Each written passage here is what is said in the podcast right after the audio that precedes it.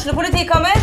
Ine Jansen er purk. Er du purk? The motherfucking bitch. Alt jeg vil, er å finne ut hva som skjedde med mannen min. Jon Carew. Er jeg sikta for noe? Iben Akeli. Det er du. Ole So, Lars Berrum og Big Daddy Karsten. Hvem sin side er du på, egentlig? Anette Hoff, Tone Danielsen, Kommer du fra Afrika? Jørnis Josef, Nesten. Kløfta. Trond Espen Seim, Det er synd å si det, men det var feil mann som døde. Purk. Premiere tirsdag på TV2 Play. Ungsamtalen fra DNB er økonomisk veiledning tilpasset deg som er ung. Bokk en ungsamtale på dnb.no. slash ung. Det er kjempebra hvis du skal inn på boligmarkedet, hvis det er drømmen din, liksom. Det er det du skulle sagt. Og så kunne du ropt litt mer, da, sånn som jeg gjorde. Bam! Åh.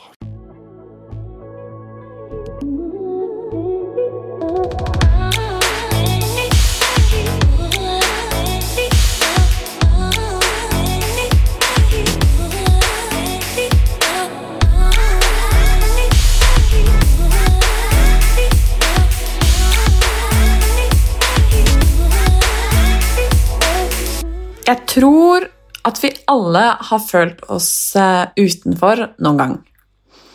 Enten på skolen, kanskje på jobben, i familien, eller kanskje på f.eks. håndballaget.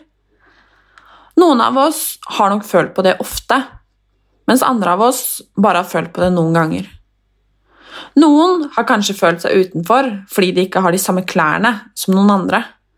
Fordi de ikke er like gode til å spille fotball, eller fordi de kanskje har litt mindre å rutte med. Andre fordi de ser annerledes ut, prater annerledes, eller bare er litt annerledes. Eller annerledes. Hva i alle dager er egentlig annerledes? Kanskje du har vært med på å utestenge noen? Eller å få noen til å føle seg annerledes? Jeg tror at jeg har det. Jeg har ikke gjort det bevisst, men jeg har nok allikevel vært med på det. Enten ved å si at noen f.eks. ikke får være med, eller kanskje jeg til og med har gjort det ved å bare la være å si noe. Fordi det er litt skummelt å si noe. Å rekke opp hånda og si ifra om noe ikke stemmer.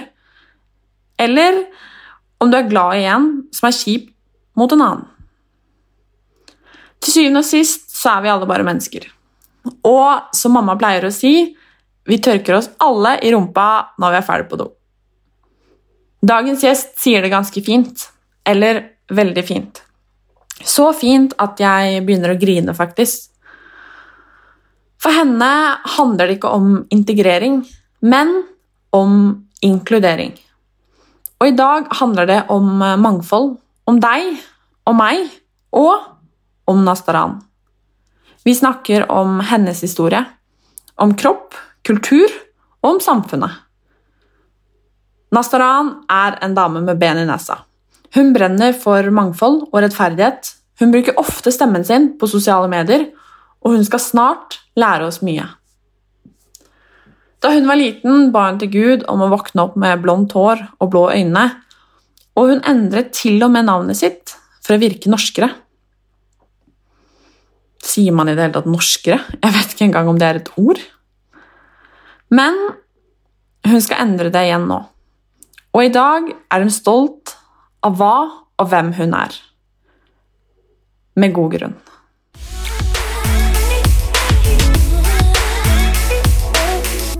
Velkommen til dagens eh, gjest, som er kanskje mm, Hva skal jeg si Dama jeg tenker på eh, når jeg tenker på mangfold. Fordi at hun rett og slett er Hva skal jeg si Hun Det var liksom jeg sa til hun før vi begynte, at eh, hun representerer på en måte ikke bare mangfold for seg sjæl. Hun representerer også mangfold for veldig mange andre. Og det syns jeg er skikkelig fint, rett og slett. Men uh, hva skal jeg si? Hvem er du? Drumroll. Det verste spørsmålet å få. ja, hva skal man si der, da? Uh, nei, jeg heter jo Nastaran uh, Holdt jeg på å si Nastaran Marie Kovkavi, men det mellomnavnet der, det skal fjernes. Det kan vi snakke litt om etterpå. Mhm. Eh, men Nastaran Kovkavi, jeg er 34 år gammel. Eh, og er eh, ja, veldig opptatt av inkludering og mangfold. Eh, men er jo litt sånn, hva skal jeg si, halv. Kan Det er vel sånn vi har blitt kjent også, eh, fordi jeg er særs engasjert på Instagram, blant annet. Um, Per i dag så jobber jeg som selvstendig næringsdrivende. Jeg jobber som frilanser innenfor innholdsproduksjon og content creation og kommunikasjon. Så det er vel kort fortalt. Jeg regner med at vi kommer innom resten av tingene etter hvert. Så jeg skal ikke begynne, liksom, skal ikke begynne å spill the beans med en gang. Men det første jeg lurer på, er egentlig hva er mang Eller hva tenker du på når du hører mangfold? Hva er mangfold for deg?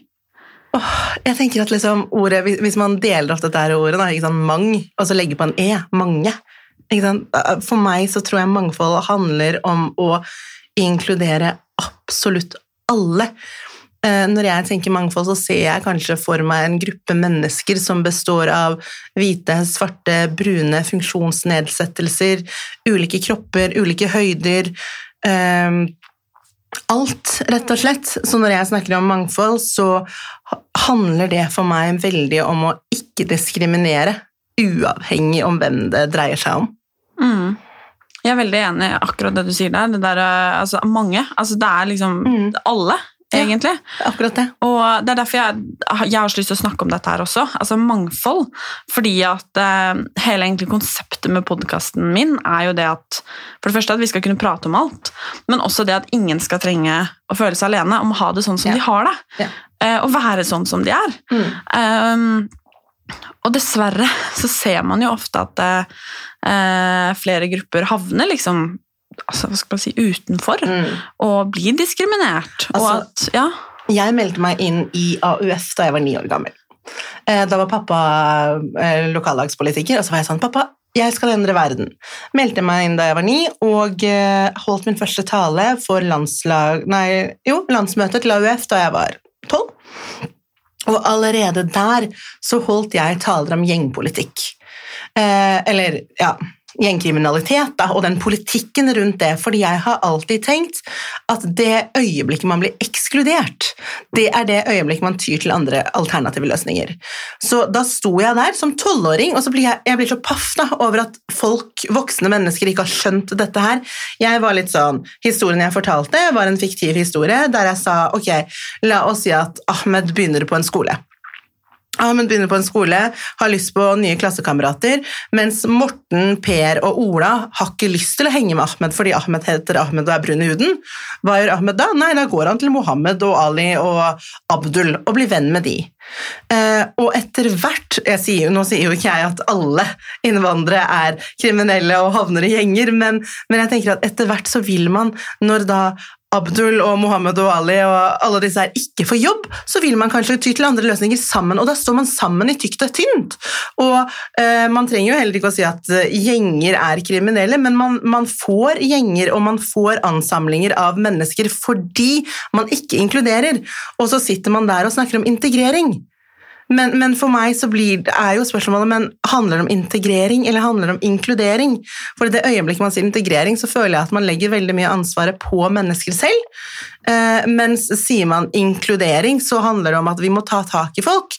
Eh, og det spiller ingen rolle om det bare handler om altså Det trenger ikke bare handle om etnisitet, men det handler jo også om kroppsfasonger og funksjonsnedsettelser, og vi har et ansvar da, om å inkludere andre mennesker uavhengig Mm.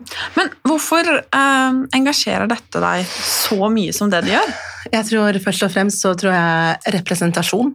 Um, jeg er jo født i Iran. Jeg er oppvokst i Norge, men vi bodde i Våler i Solør, og der føler jeg liksom at jeg var cool. Uh, der kjente jeg ikke så veldig mye på problematikken med å ikke være lik alle de andre. Uh, der hadde jeg venner, og du vet, jeg var kanskje for liten til å tenke over det, men så flyttet vi til Elverum, og der begynte jo alle disse tankene å komme. Eh, Det var der jeg lå i senga mi og ba til Gud hver natt om å våkne opp som blond og blåøyd, og det var der jeg Jeg husker jeg ringte venninnen min en gang fordi jeg hadde skrevet i en eller annen dagbok at jeg er født i Fagernes, eller du vet sånn skoledagbøker, så er det sånn Hvor er du født? Så hadde jeg skrevet Fagernes. Eh, Fagernes hadde jeg riktignok bodd i, men det var det første asylmottaket og hotellet vi var på da vi kom. Mens jeg husker jeg ringte rundt til vennene mine bare Hør da, jeg er norsk! Jeg er født på Fagernes, jeg er født i Norge! Og jeg visste jo innerst, innerst inne at dette her var løgn, men jeg hadde så utrolig stort behov for å passe inn og være liksom en av dem, at jeg gikk til de, eh, de nivåene der, der jeg liksom ringte rundt til vennegjengen og sa at jeg er norsk. Eh, og jeg tror mye av grunnen til det, når jeg liksom har sett tilbake i tid, er jo den manglende representasjonen. Og ikke bare var jeg liksom innvandrer, jeg var også mye tjukkere enn alle andre, og jeg var mye høyere enn alle andre, så jeg følte aldri at jeg hørte hjemme noe som helst sted. I, altså, hadde jeg en liten gjeng da, som kanskje besto av, var multikulturell, så kunne jeg fortsatt føle at jeg var mye høyere og tjukkere enn alle andre, og ikke kunne være med eksempel eh, på klesbytte og jentekvelder fordi alle de ligna på hverandre kroppslig. Og så ble jeg utenfor likevel. Så jeg tror den manglende representasjonen både i medier, men også i samfunnet rundt meg, har gjort at dette her er noe jeg virkelig brenner for. ehm, og virkelig jobber med for at andre, og for at mine egne barn den dagen de kommer, ikke skal trenge å føle på de samme tingene som jeg har følt på. Mm. Og det tror jeg er kjempe, kjempeviktig. Eller jeg tror ikke, det er kjempe, Mm. kjempeviktig. Men føler du at, eh, for å snakke om Norge, da, at vi er for dårlige når det kommer til Ja. mangfold? Veldig. Um, nå spørs det jo liksom hvilken, hvilken type mangfold vi skal snakke om, men, men generelt, ja, veldig dårlige. Altså, man eh, møter på paneler som er all white panels. Man møter på um, eventer på Facebook og leser om de der man skal F.eks. for eksempel diskutere legning og etnisitet, og så er det tre hvite, streite mennesker som sitter i dette panelet. Hvorfor skal dere sitte og snakke da om eh, homofile innvandrergutter, når ingen av dere er en homofil innvandrergutt? Så på veldig mange nivåer så feiler vi veldig, enten om det da er legning eller funksjonsnedsettelser. Eh, jeg jobbet et sted faktisk eh, i et år i Oslo kommune, Enhet for mangfold og inkludering. Integrering? Inkludering. Jeg, bruker, jeg, jeg er jo så opptatt av å si inkludering istedenfor integrering, så jeg tror det var en av mangfold og integrering, men jeg har endt opp med å si inkludering. Eh, mens der lærte jo også jeg så utrolig mye, sånn som for eksempel at når du da har et event, så er du faktisk nødt til å ha døvetolk. Hvor ofte tenker man på dette? Hvor ofte tenker man på det mangfoldet? Du vil jo inkludere folk. For eksempel, hvor ofte tenker vi på at vi må tekste Folk er veldig flinke til å tekste videoer på Facebook og Instagram når man lager kampanjer, men hvor flinke er folk til å tekste videoer på Story? Hvor mange følgere har vi ikke som da kanskje har en funksjonsnedelse, eh, hører dårlig, men hvor ofte er vi flinke til å inkludere de og tenke på de? Jeg tror man tar det veldig for gitt at vi er en homogen gruppe, og at alle er som oss. Og at vi bare tenker på de som er som oss, at vi glemmer de andre. Og det trenger ikke nødvendigvis være at vi bevisst tar det valget for å glemme de, eh, men det blir veldig fort gjort.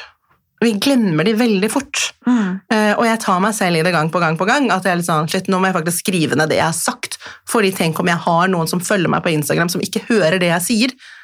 Og så sitter de der Ikke bare føler de at de går glipp av det jeg sier, og kanskje sier noe fornuftig, men kanskje de, det også stikker litt.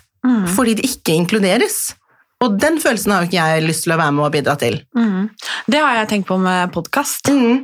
At det litt den derre um, At jeg Ja, jeg har tenkt på det, da. At liksom, Mm. shit, det er jo faktisk ikke liksom for alle.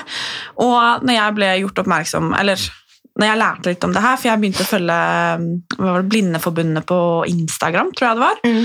ehm, som jeg følger nå.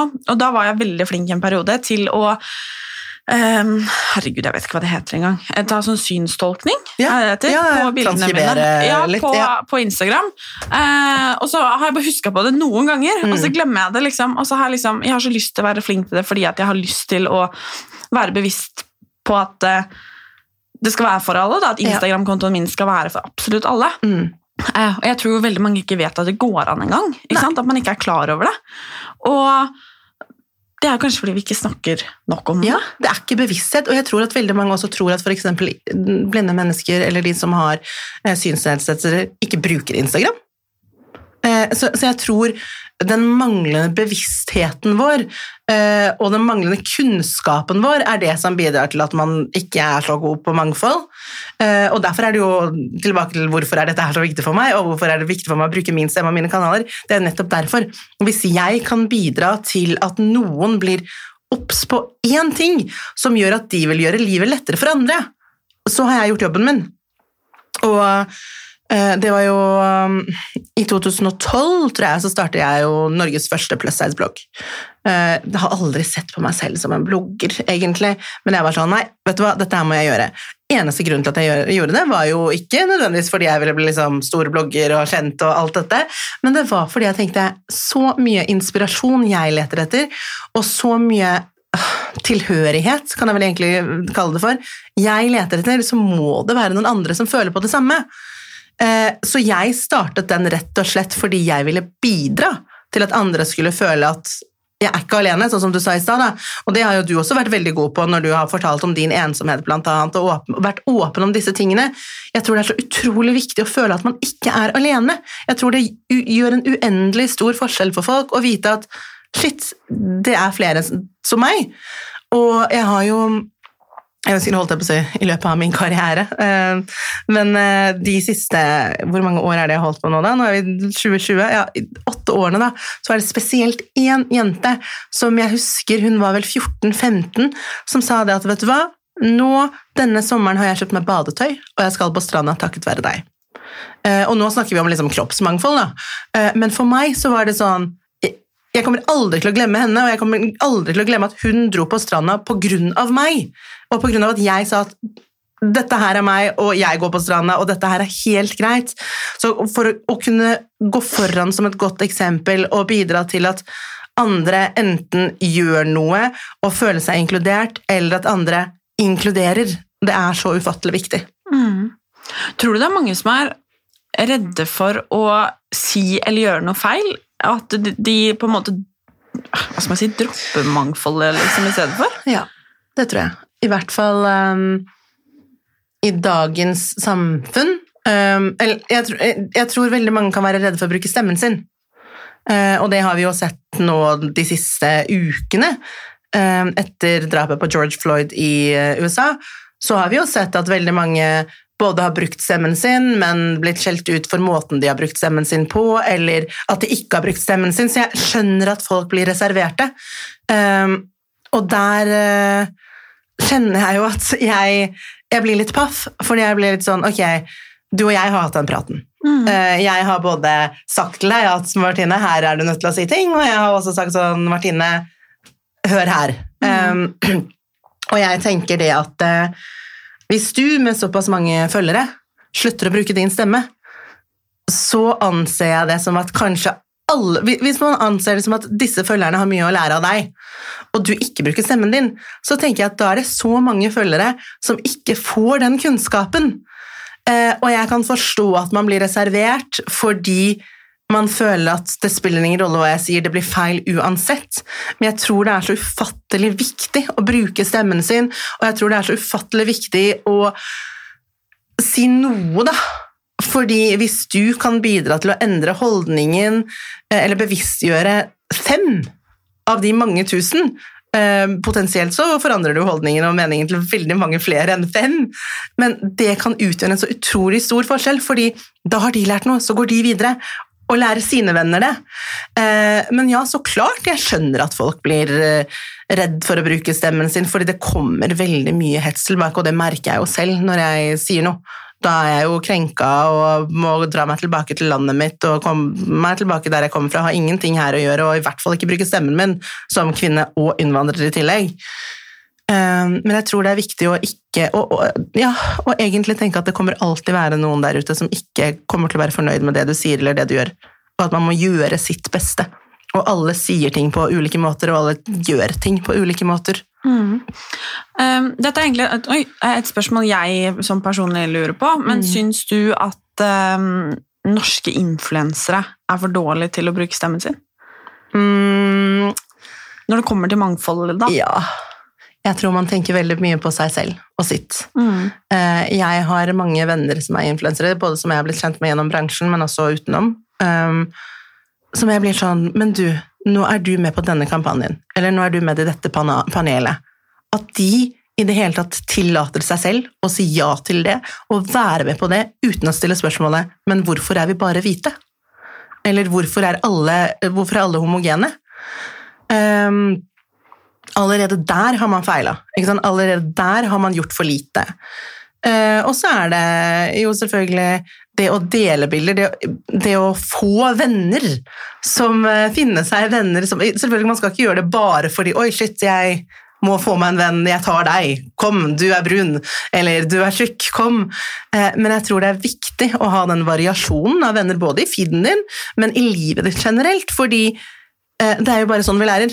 Men, men, ja, absolutt. Eh, norske influensere har en lang vei å gå i det å inkludere andre Mm. og tenke på andre enn seg selv. Men jeg lurer på, for at det, det har jo blant annet vært en del eventer, Mm. eh, og det har det egentlig vært altså, lenge, det er jo ikke akkurat noe nytt. Da er det eksempel eh, eh, Nå kan vi snart nevne et konkret eksempel, men sånn generelt, da, der det har vært lite mangfold, da, Ja. for å si det sånn, der det har vært én typisk kvinne. Um, eh, hvorfor, hvorfor tror du det er sånn? Jeg svarte faktisk på et intervju i går um, om dette. Um, og dessverre så syns jeg at uh, norsk PR-bransje har blitt en venners venners fest. Uh, jeg føler at man inviterer de man liker. De som er lik deg selv. ehm, enten om det er størrelse, høyde eller farge, eller interesser. Men det har blitt en venners venners fest, og det tror jeg er mye av grunnen. Man lar sine egne personlige preferanser og vaner um, gå utover det faktum at dette her er business. Um, vi har jo senest nå en kjede. Um, de fleste har sikkert fått det med seg, så jeg syns jo ikke det blir feil å nevne navnet heller, men Krog Optikk eksempel hadde jo et event der det bare var hvite.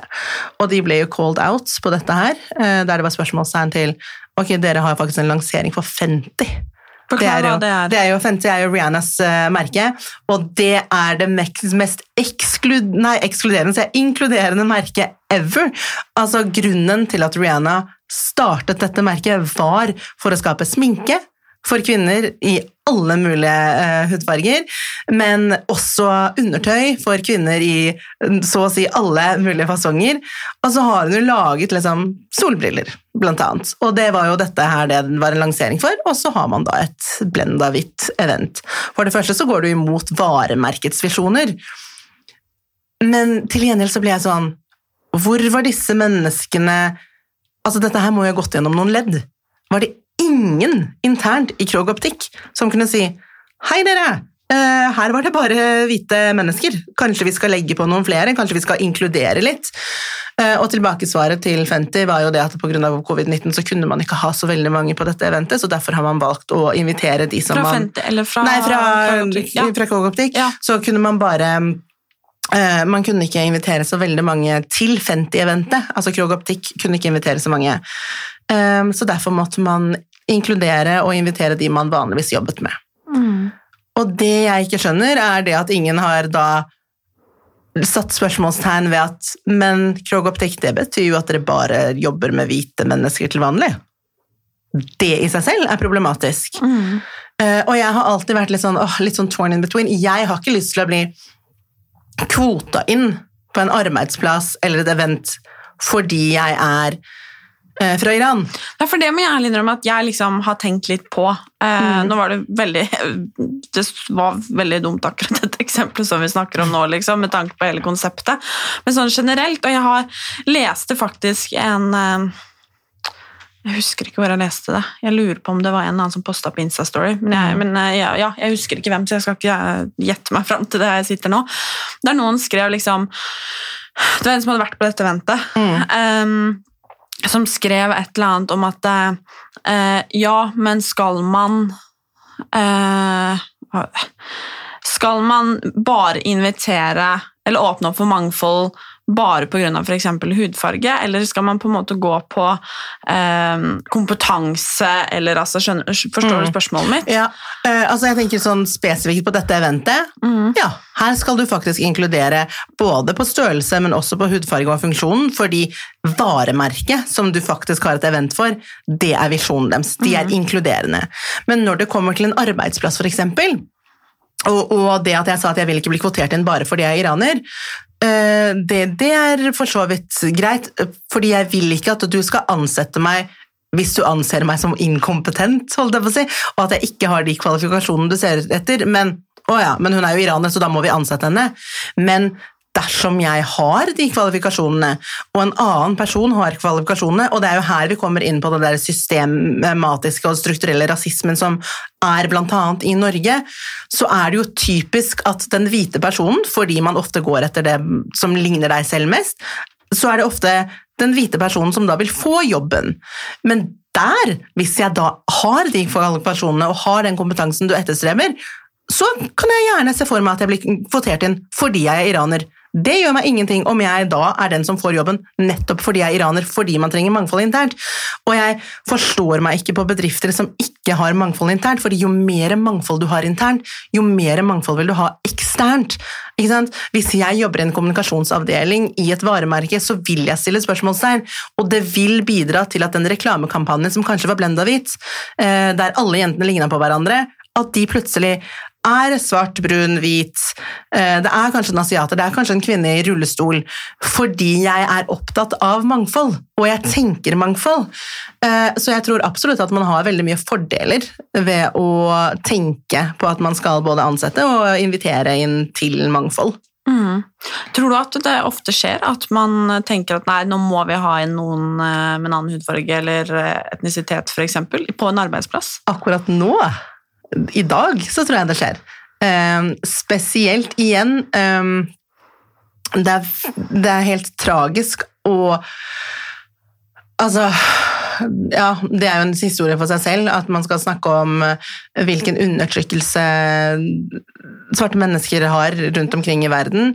Eh, Men jeg tror også at vi er inne i en revolusjon eh, på bakgrunn av drapet på George Floyd, som gjør at folk nå har blitt mye mer bevisst. Jeg føler at veldig mange har våknet opp. Eh, Jeg ringte for eksempel til forretningsfører i borettslaget til mamma og pappa, eh, og han sa en ting som jeg reagerte på. Eh, Han skulle da fortelle meg sånn, ja, men hvis du anser disse menneskene som troverdige mennesker, så sa han sånn, ja, men hvis det er troverdige hvite mennesker, og da ble jeg sånn, hva sa du? Nei, nei, nei, nei, det var ikke det jeg mente. Og da sa han, jeg er jo med på oppvåkningen, jeg har jo fått det med meg.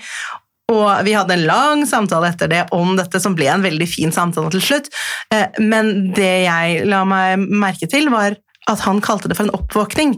Og det tror jeg det for veldig mange er. Jeg tror man innser at shit, ok, hva er det vi gjør internt? Sånn som for eksempel i går så leste jeg at nå skal Simpsons slutte å bruke hvite stemmer på ikke-hvite figurer. Um, og bare sånne ting er så viktig. Hvorfor skal man ikke bruke det mangfoldet som står rundt seg? Uh, og jeg tror og håper virkelig at dette ikke bare er en sånn midlertidig greie, men at folk faktisk nå begynner å få opp øynene for å se hva gjør vi som bedrift for å bidra til inkludering og mangfold ellers i samfunnet. Mm. Hva tenker du om de som argumenterer med at eh, hvis en eksempel eh, en La oss si eh, en helt eh, La oss ta deg og meg, da. Mm. Eh, stiller helt likt eh, når det kommer til kompetanse, for Mm. Eh, men de som da tenker at nei, men herregud, vi, hun skal jo ikke tas inn fordi, på grunn av mangfold, vi skal Mm. ha de som er best egna. Mm. Um, og det føler jeg veldig ofte skjer, og at Mm. da de kan argumentere med at nei, men i, i vår, på vår arbeidsplass for eksempel, så Mm. har det vært de hvite som har Mm. vært best egna. Derfor har ikke vi måte åpna opp for mer mangfold. Hva Mm. tenker du om det? Nei, da snakker vi strukturell og systematisk rasisme, da. Eh, fordi sånn som du startet innledet den setningen med, hvis du og jeg har samme kompetanse, så ligger det til grunn at du og jeg er mest sannsynligvis like godt egnet til dette her, men av ren vane, og at du antageligvis er mest lik de fleste som jobber der, og mest lik CEO, så er det du som blir tatt inn. Ehm, da, det her er jo ikke nødvendigvis så veldig bevisst rasistisk, men det er en systematisk og strukturell rasisme som vi har blitt tilegnet og lært opp i alle år, og det er vanskelig å avvenne seg. Det er vanskelig å avvenne seg og ikke automatisk sette seg ved den hvite personen på bussen, eller ansette den hvite personen. Um, men selvfølgelig, jeg, jeg anser jo det som problematisk. Eh, hvis du og jeg er like kompetente, men du får den fordi du er mest egna. Eh, og jeg har en bror som har vært på jobbintervju, der han har sittet igjen som de to siste etter fire runder, og så spør han en kompis som jobber i bedriften om hvorfor, hvorfor fikk jeg den ikke. Så bare sorry, men du heter Ali, liksom. Og det er jo selvfølgelig noe man kan gå videre med og anmelde, fordi det er diskriminering, det er ikke lov. Men øh, orker man å ta den fighten? Mm. Altså, Så fort jeg sier noe, så er jeg krenka. Ikke sant? Det, det, det er jo det stempelet man får etter seg. Å, dere innvandrere må slutte å være så krenka. Alt er ikke rasisme. Nei, vi kaller deg ikke rasist, men det kan likevel være rasisme eller rasistisk, det du sier eller gjør, uten at du selv er bevisst over at det er det. Men det igjen er de der strukturelle konstruksjonene. Mm. Hva er det viktigste, tror du, sånn eh, for å skyte fra hofta nå, holdt jeg på å si, eh, jeg og vi som er en del av dette, mm. og kall det det hvite, da, eh, hva er det viktigste vi kan gjøre? Altså, nå, nå, nå skjønner jeg jo at vi, vi snakker jo veldig mye hudfarge, men, Ja. men jeg har Jo, lyst men til å, sånn generelt, ja, ja. Men jeg har lyst til å take it back litt, og, og snakke mangfold generelt. Veldig gjerne. Um, fordi for meg så har jo kroppsmangfold vært utrolig Mhm. viktig. Vi må snakke litt om det også. Uh, ja, men, men, men jeg tenker at det viktigste er jo å liksom Jeg, er jeg er veldig anti janteloven. Eh, Du syns jo at man skal tro at man er noe, men i visse tilfeller så mener jeg også at man ikke skal tro at man er bedre enn andre. Og når det kommer til mangfold, det er et av de tilfellene der du ikke skal tro at du er bedre enn noen andre fordi de kanskje kommer fra et annet sted eller veier 50 kilo mer enn deg, eller ikke hører like godt som deg, og at det er plagsomt for deg å gjenta deg selv. Altså, jeg tror man må notch it down a little og være litt mer ydmyk. Eh, fordi jeg tror genuint at verden hadde vært et så utrolig mye bedre sted om man bare hadde tatt litt mer hensyn til hverandre. Uh, uavhengig av hvordan folk ser ut, uavhengig om folk uh, bor på gaten eller om de bor i en villa. Um, så jeg, jeg tror liksom Og det er jo lettere sagt enn gjort, jeg skjønner jo det, altså, men jeg har jo lyst til å filleriste noen mennesker og bli sånn Hør! Dette her er et menneske, du kan ikke oppføre deg på den måten. Du kan ikke tro at du er superior til denne personen. Eh, Men jeg tror det å liksom være litt mer ydmyk, lene seg litt tilbake og bare forstå at vi har så mye mer til felles, selv om vi ser ulike ut. Og in the end of the day så er det jo nettopp det vi gjør. Vi ser ulike ut. Det betyr ikke at vi er ulike. Eh, og det er jo klisjé å si at å, men alle blør jo rødt. Eh, men vi gjør jo det. ikke sant? På innsiden så er vi mye mer like. Og jeg tror at um, jeg og du, da jeg, jeg har jo helt andre forutsetninger og en helt annen bakgrunn enn det du har, men jeg tror jeg kan ha mye mer til felles med deg enn jeg kan for eksempel med en annen iransk venninne som har hatt samme oppvekstkår som meg. Eh, Så jeg tror man må liksom se forbi de tingene som gjør at vi fysisk ser ulike ut, Mm. eh, og så bruke tid på å bli kjent med hverandre, rett og slett. Mm. Det var veldig fint, syns jeg. Ja, Kommer litt fra hjertet, da. Ja, ja, men jeg hører det, og jeg, det er veldig veldig fint. Men apropos dette her med, med kropp. Ja. Eh, anser du deg selv som en kroppspositivist?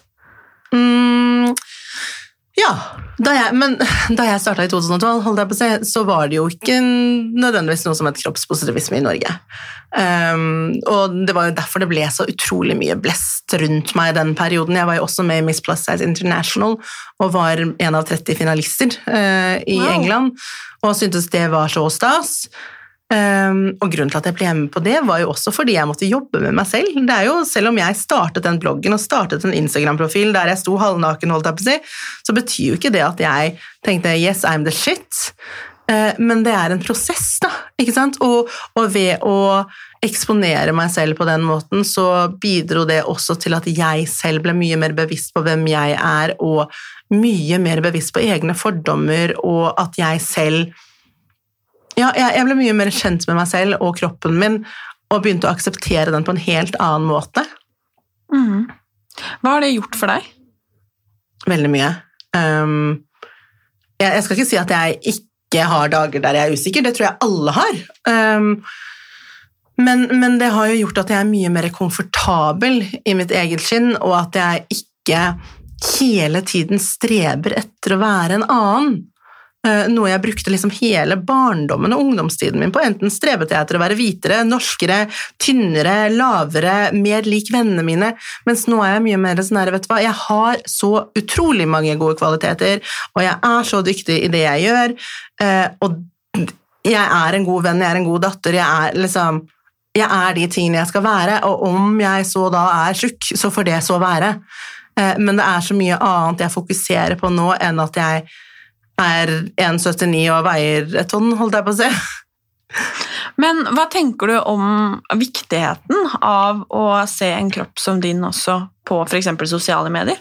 Det der er jo også representasjon, ikke sant? Det er jo den, den mangfoldsdelen, og det er det at man ikke føler seg alene, og man ser mennesker som ligner på seg selv, eh, enten det er hudfarge eller eh, mennesker som bruker hijab eller størrelser. Det er så viktig å normalisere det, og det er så viktig at barn For vi skal jo, altså reklamekampanjer og varemerker og sosiale medier, det skal jo gjenspeile samfunnet.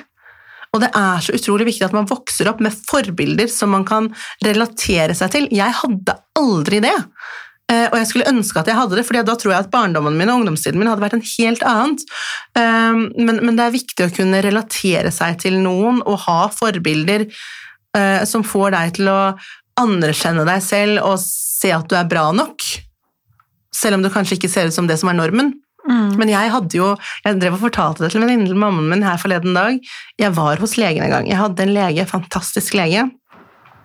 Og da dro jeg til han, og så sa jeg det at eh, nå, nå går ikke dette her mer. Nå må jeg, kan du gi meg noen slankepiller?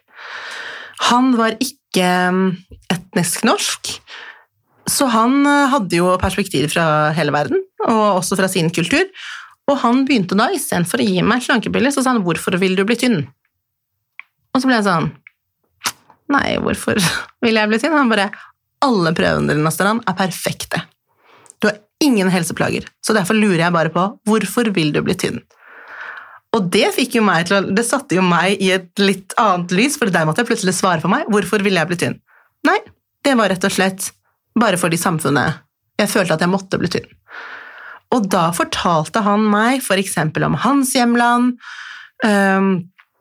eksempel om andre steder i verden, hvordan det kulturelt betinga er mye mer akseptert for eksempel å være formfull og være tjukk enn det det er å være tynn. Du ble ansett som um, altså det ble ansett som om du kom fra en familie som hadde god velstand, eller eh, at du var mye mer egnet for å føde barn.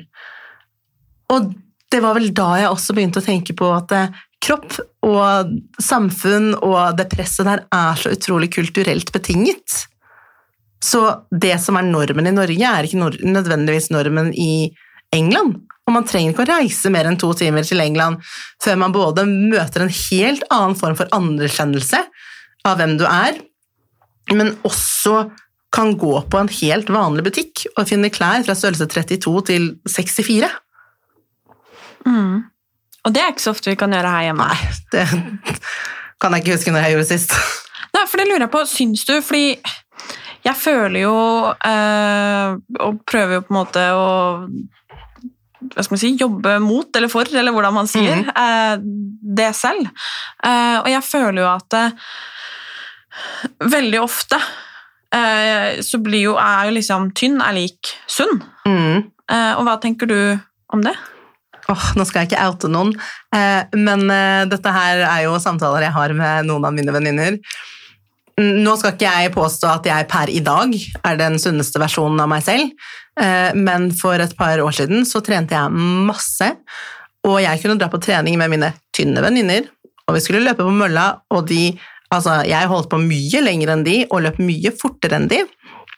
Um, og jeg har også venninner som er slanke, men som seriøst spiser lever på McDonald's, Grandiosa og smågodt og chips og brus. Og da tenker jeg sånn Det er ikke nødvendigvis noe sunnere, eh, selv om de er tynne, og de sier det jo selv. Eh, innerst inne så er jeg antageligvis en tjukk mann på 40, eh, mens jeg har jo en helt annen forutsetning og en helt annen forbrenning. helt altså Jeg kan legge på meg ved å se på sjokolade, det er jeg nesten sikker på. um, så jeg tenker det at jeg tror, jeg tror, det er sånne ting igjen da, som vi har blitt lært opp til. Vi har blitt lært opp til at tynn er lik sunn, og det husker jeg også at jeg snakket om, fordi når man er mye ute i media, så får man jo også veldig mye tilbakemeldinger, både positive og negative, og ofte så er det et kommentarfelt som preges av at sånn, herregud, skattepengene mine går til å, at du skal uh, forlenge livet ditt, og at uh, du kommer til å havne på en sykeseng og være, at, at, jeg kommer til å dø av fedme og ikke noe annet, og så blir jeg litt sånn, ok, det er lett for deg å si fordi jeg er tjukk fordi da har du noe fysisk å ta meg på. Men hva med alle de tynne som la oss si drikker hver dag eller hver helg eller røyker masse? Tenker du noensinne på hvor mye de kommer til å koste deg?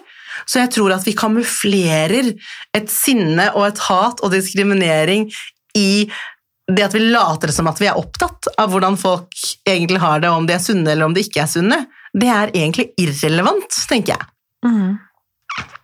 Og så lenge jeg tar vare på meg og min kropp, så er det det som er det viktigste. Om jeg så da er tjukk eller tynn. Men hvorfor tror du vi er så innmari opptatt av liksom dette her perfekte? da, At vi skal se sånn og sånn ut, og at vi opererer oss her og der, og at vi liksom Hvorfor tror du det? Lekte du med barbiedokker, Martine? Altså, jeg hadde 53 barbiedokker. Hvordan ser barbiedokka ut? Ja, den ser ut som uh, idealet, den. Mm, og akkurat allerede der Nå er du noen år yngre enn meg, men allerede der så læres vi opp til at alle barbiedokkene er like. Og alle barbiedokkene Eller nå, nå, har man begynt å få mangfold der også, men allerede der så ser man jo at Shit, den barbiedokka har lange bein, store pupper, smal midje, langt blondt hår, blå øyne. Og dette her er jo ting som blir med oss. Jeg, jeg tror ikke jeg tror ikke vi nødvendigvis får det med oss. Jeg tror det skjer liksom så i underbevisstheten at vi ikke helt forstår at det skjer, men det er jo alt vi eksponeres for. Hadde vi blitt eksponert for altså, det såkalt uperfekte, um, hadde vi blitt eksponert for mer mangfold, enten det er kropp eller funksjonsnedsettelser fra vi var små av, så hadde jo det også vært en del av normalen. Men det er det ikke, for det eneste vi har sett, er retusjerte kropper og det vi da kaller for perfekte kropper, eh, hele livet. Og så følger det oss, det følger oss videre, og selv den dag i dag, selv om veldig mange har blitt mye flinkere til å f.eks. legge ut bilder som ikke er retusjerte, legge ut bilder av cellulitter, funksjonsnedsettelser, så er det fortsatt en liten brøkdel av det vi eksponeres for. Og jeg tror det er sånn at det, Nå husker jeg ikke de nøyaktige tallene, men jeg tror vi eksponeres for 8000 kommersielle budskap om dagen. Vi får jo ikke med oss disse 8000, men de er jo der. Og det er jo ting vi ser i forbifarten. Og når en bitte liten brøkdel av disse er inkluderende og viser et mangfold, så er det jo klart at vi påvirkes jo mer til å gå etter det vi ser mest av. Det er helt klart. Og det, det er så synd, da. For da sitter det en liten femåring eller en seksåring og skulle ønske at uh, hen ikke levde eller så annerledes ut eller var født et annet sted eller Ja. Mm. Og det er så farlig. Jeg tror at det er så farlige holdninger for et barn å vokse opp med. Um, og, og, om man ikke på en måte finner det lyspunktet i livet sitt, og ikke finner den rollemodellen, så tror jeg det kan ha så ufattelig mye å gjøre, si uh, på oppveksten til dette barnet, og ikke minst også liksom ungdomstiden og voksentiden. Tror, tror altså alle fortjener å ha et forbilde, uavhengig som de kan relatere seg til, for jeg tror det gjør så mye med tryggheten din og sikkerheten din, og det at du er trygg på deg selv og kan stå i ting og være synlig, da og leve et fullverdig liv. Mm. Jeg er enig. Bra. da har vi kommet et godt stykke. ja, det absolutt. Men um, du nevnte at uh, du skulle fjerne det ene navnet ditt. Ja. Kan jeg få høre litt om det? Vet du hva, det, det også er jo Jeg har bare kommet til uh, the realization. Eh, det er så enkelt å si noen engelske ord innimellom her. Men da jeg var 15, så var jeg så lei av at ingen klarte å si Nastaran. Nastaran? Ja, det, det er jo ikke vanskelig. Jeg innser jo det i en alder av 34. Det er jo ikke vanskelig. Så det er jo nok ikke det at de ikke klarte å si det. Det er bare det at de ikke gadd å ta seg bryet. Så jeg var lei av å være sånn Jeg var lei av å være du. Eller jeg var lei av å sitte der i et klasserom, og i det øyeblikket jeg forstår at læreren står der og bare øh, Så rekker jeg opp hånda, og jeg bare Det er nok meg. Ehm, og da skulle vi flytte fra Elverum til Skedsmo. Og da var jeg litt sånn Nå! For det er rart å plutselig, plutselig bytte navnet ditt når alle kjenner deg, men da skulle jeg flytte til et sted der ingen kjente meg. Så jeg satte på Marie, fordi jeg ville ikke være du eller Nastaran, og jeg ville ikke sant? Selv i 15-årsalderen så hadde jeg det der behovet for å passe inn. Jeg ville at folk skulle tro at enten mamma eller pappa var etnisk norsk. Fordi det ville gi meg en liten det, lille argumentet, eh, uten at jeg nødvendigvis hadde trengt å argumentere for det, for jeg hadde jo ikke jugd om det hvis jeg hadde blitt spurt, men de ville selv gjøre de antakelsene, så ville de kanskje ikke spørre. Og så snakker jeg jo veldig bra norsk, noe som jeg syns er utrolig merkelig at folk reagerer altså, Oi, jøss, så bra norsk du snakker, da! Har du bodd her lenge? Bare, mhm. Eh, Men så da satte jeg på dette her for at folk skulle få lov til å dra, egne, dra, egne antakelser og tro at jeg kanskje da var halvt etnisk norsk. Så har jeg jo da vært mer og mer opptatt av mangfold og blitt mer og mer trygg i meg selv og eh, blitt holdt jeg på å si, litt mer hatefull. Eh, jeg, jeg blir litt mer sånn Jeg er så lei. Og så ble jeg så sint på meg selv for at jeg selv har latt meg selv ikke forfalle, men påvirke. I den grad at jeg til og med har endret navnet mitt. Altså Ikke nok med at jeg ba til Gud hver dag om å bli blond. Jeg løy også for vennene mine som sa «Woho, jeg er født i Norge, men jeg endra også navnet mitt. Altså hvor, hvor langt skulle jeg egentlig dra den? Um, så var det vel ja, nå for noen uker siden at jeg da tenkte at nei, nå er det faktisk nok. Så Marie skal fjernes. Ehm, hvorfor jeg ikke har gjort det ennå, det har jeg ikke noe godt svar på. Jeg tror det er litt den derre hasselen med sånn åh, så mye papirarbeid det blir, for da må du liksom få alt nytt. Eh, Men det fjernes fordi jeg er stolt av å være meg. Jeg trenger ikke at noen skal tro at jeg er halvt etnisk norsk, eller eh, at jeg skal tilhøre mer fordi jeg har et norsk mellomnavn. Jeg tilhører godt nok som, eh, som Nastaran Komkabi, eh, og jeg trenger ikke å late som lenger. Eh, Og det å liksom ha måttet vente 34 år holdt jeg på å si, til å komme til den konklusjonen, er jo helt sykt og veldig trist. Eh, Men nå er jeg nå der, og det navnet skal fjernes asap. Jeg må bare få litt overskudd til å liksom ta meg alt det praktiske. Det syns jeg er veldig fint. Ja, eh, det gjør jeg også. Jeg, eh, det er ikke alle som skjønner det. Folk sånn, ja, men nå har du jo hett det i snart sju år, du kan jo bare la det være på. Så ble jeg sånn, nei, men vet du hva? Selv om det er noe jeg tilføyde, så er det også en del Det er en ting som tok en liten del av min identitet fra meg. Um, fordi jeg selv ønsket at den skulle gjøre det. Men det ønsker jeg ikke lenger. Så ja. Har du noen råd til eh, hvis det sitter noen nå og føler seg utenfor og kanskje ikke så inkludert på en eller annen måte, om det er, ja, om det, er det ene eller det andre? Åh, vet du hva, jeg, eh, der har jeg faktisk lyst til å lese opp et svar eh, som jeg skrev til, et, til KK. Um, og det sykeste er at mens jeg skrev det, så begynte jeg å grine. Fordi jeg synes det er fordi de stilte meg spørsmålet om hva hadde du sagt til barn og unge som vokser opp med f.eks. rasisme, eller vokser opp og føler at de er annerledes. Grunnen til at jeg begynte å grine, var herregud, tenk at vi må si Tenk at, tenk at vi, vi er nødt til å fortelle noe til andre for at de skal føle seg bedre. Hvorfor kan vi ikke liksom bare ta ansvaret og sørge for at vi inkluderer dem nok til at de slipper å sitte og føle på de tingene? Ehm, men ja, da leser jeg, og så skal jeg prøve å ikke, ikke bli rørt av mine egne ord. Men det, er, men det sitter så, ikke? Jeg, jeg får så vondt. Jeg får så innmari vondt, fordi man skal ikke trenge å sitte på og føle på de følelsene uansett om det er fordi man er brun eller svart eller tjukk eller sitter i rullestol. Så da vil jeg si ah, at hvis du, eh, hvis du sitter der ute og føler litt på ting, så vil jeg jo da eh, først egentlig gi et velmendende råd om at disse tingene lærer vi jo gjerne hjemme. Vi lærer de ved middagsbordet, eh, og vi lærer de i vennegjengen, så jeg vil først og fremst gjerne be deg om du ikke føler deg ekskludert, eh, men om du er en vennegjeng som ofte kan ekskludere eller sitte og gjøre narr av folk. Uskyldig moro, men si ifra.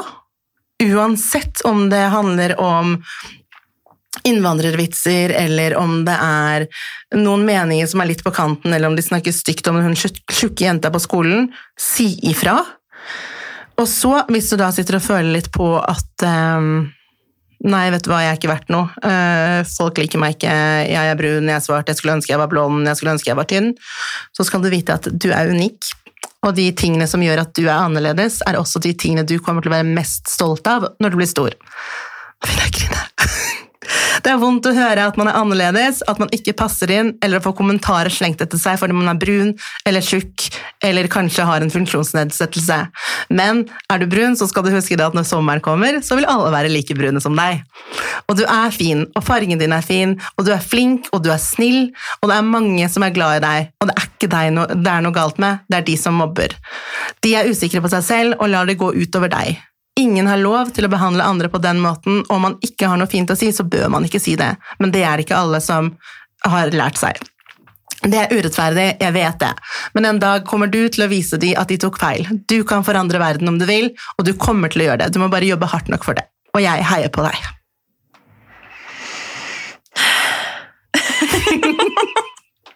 ja, nå får du være så kin nå.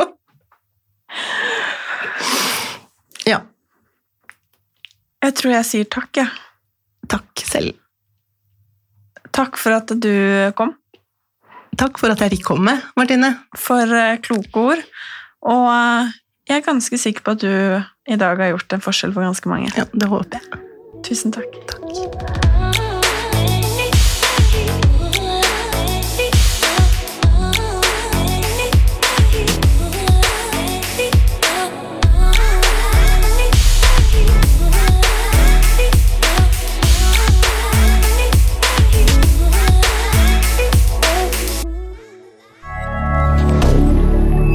Media.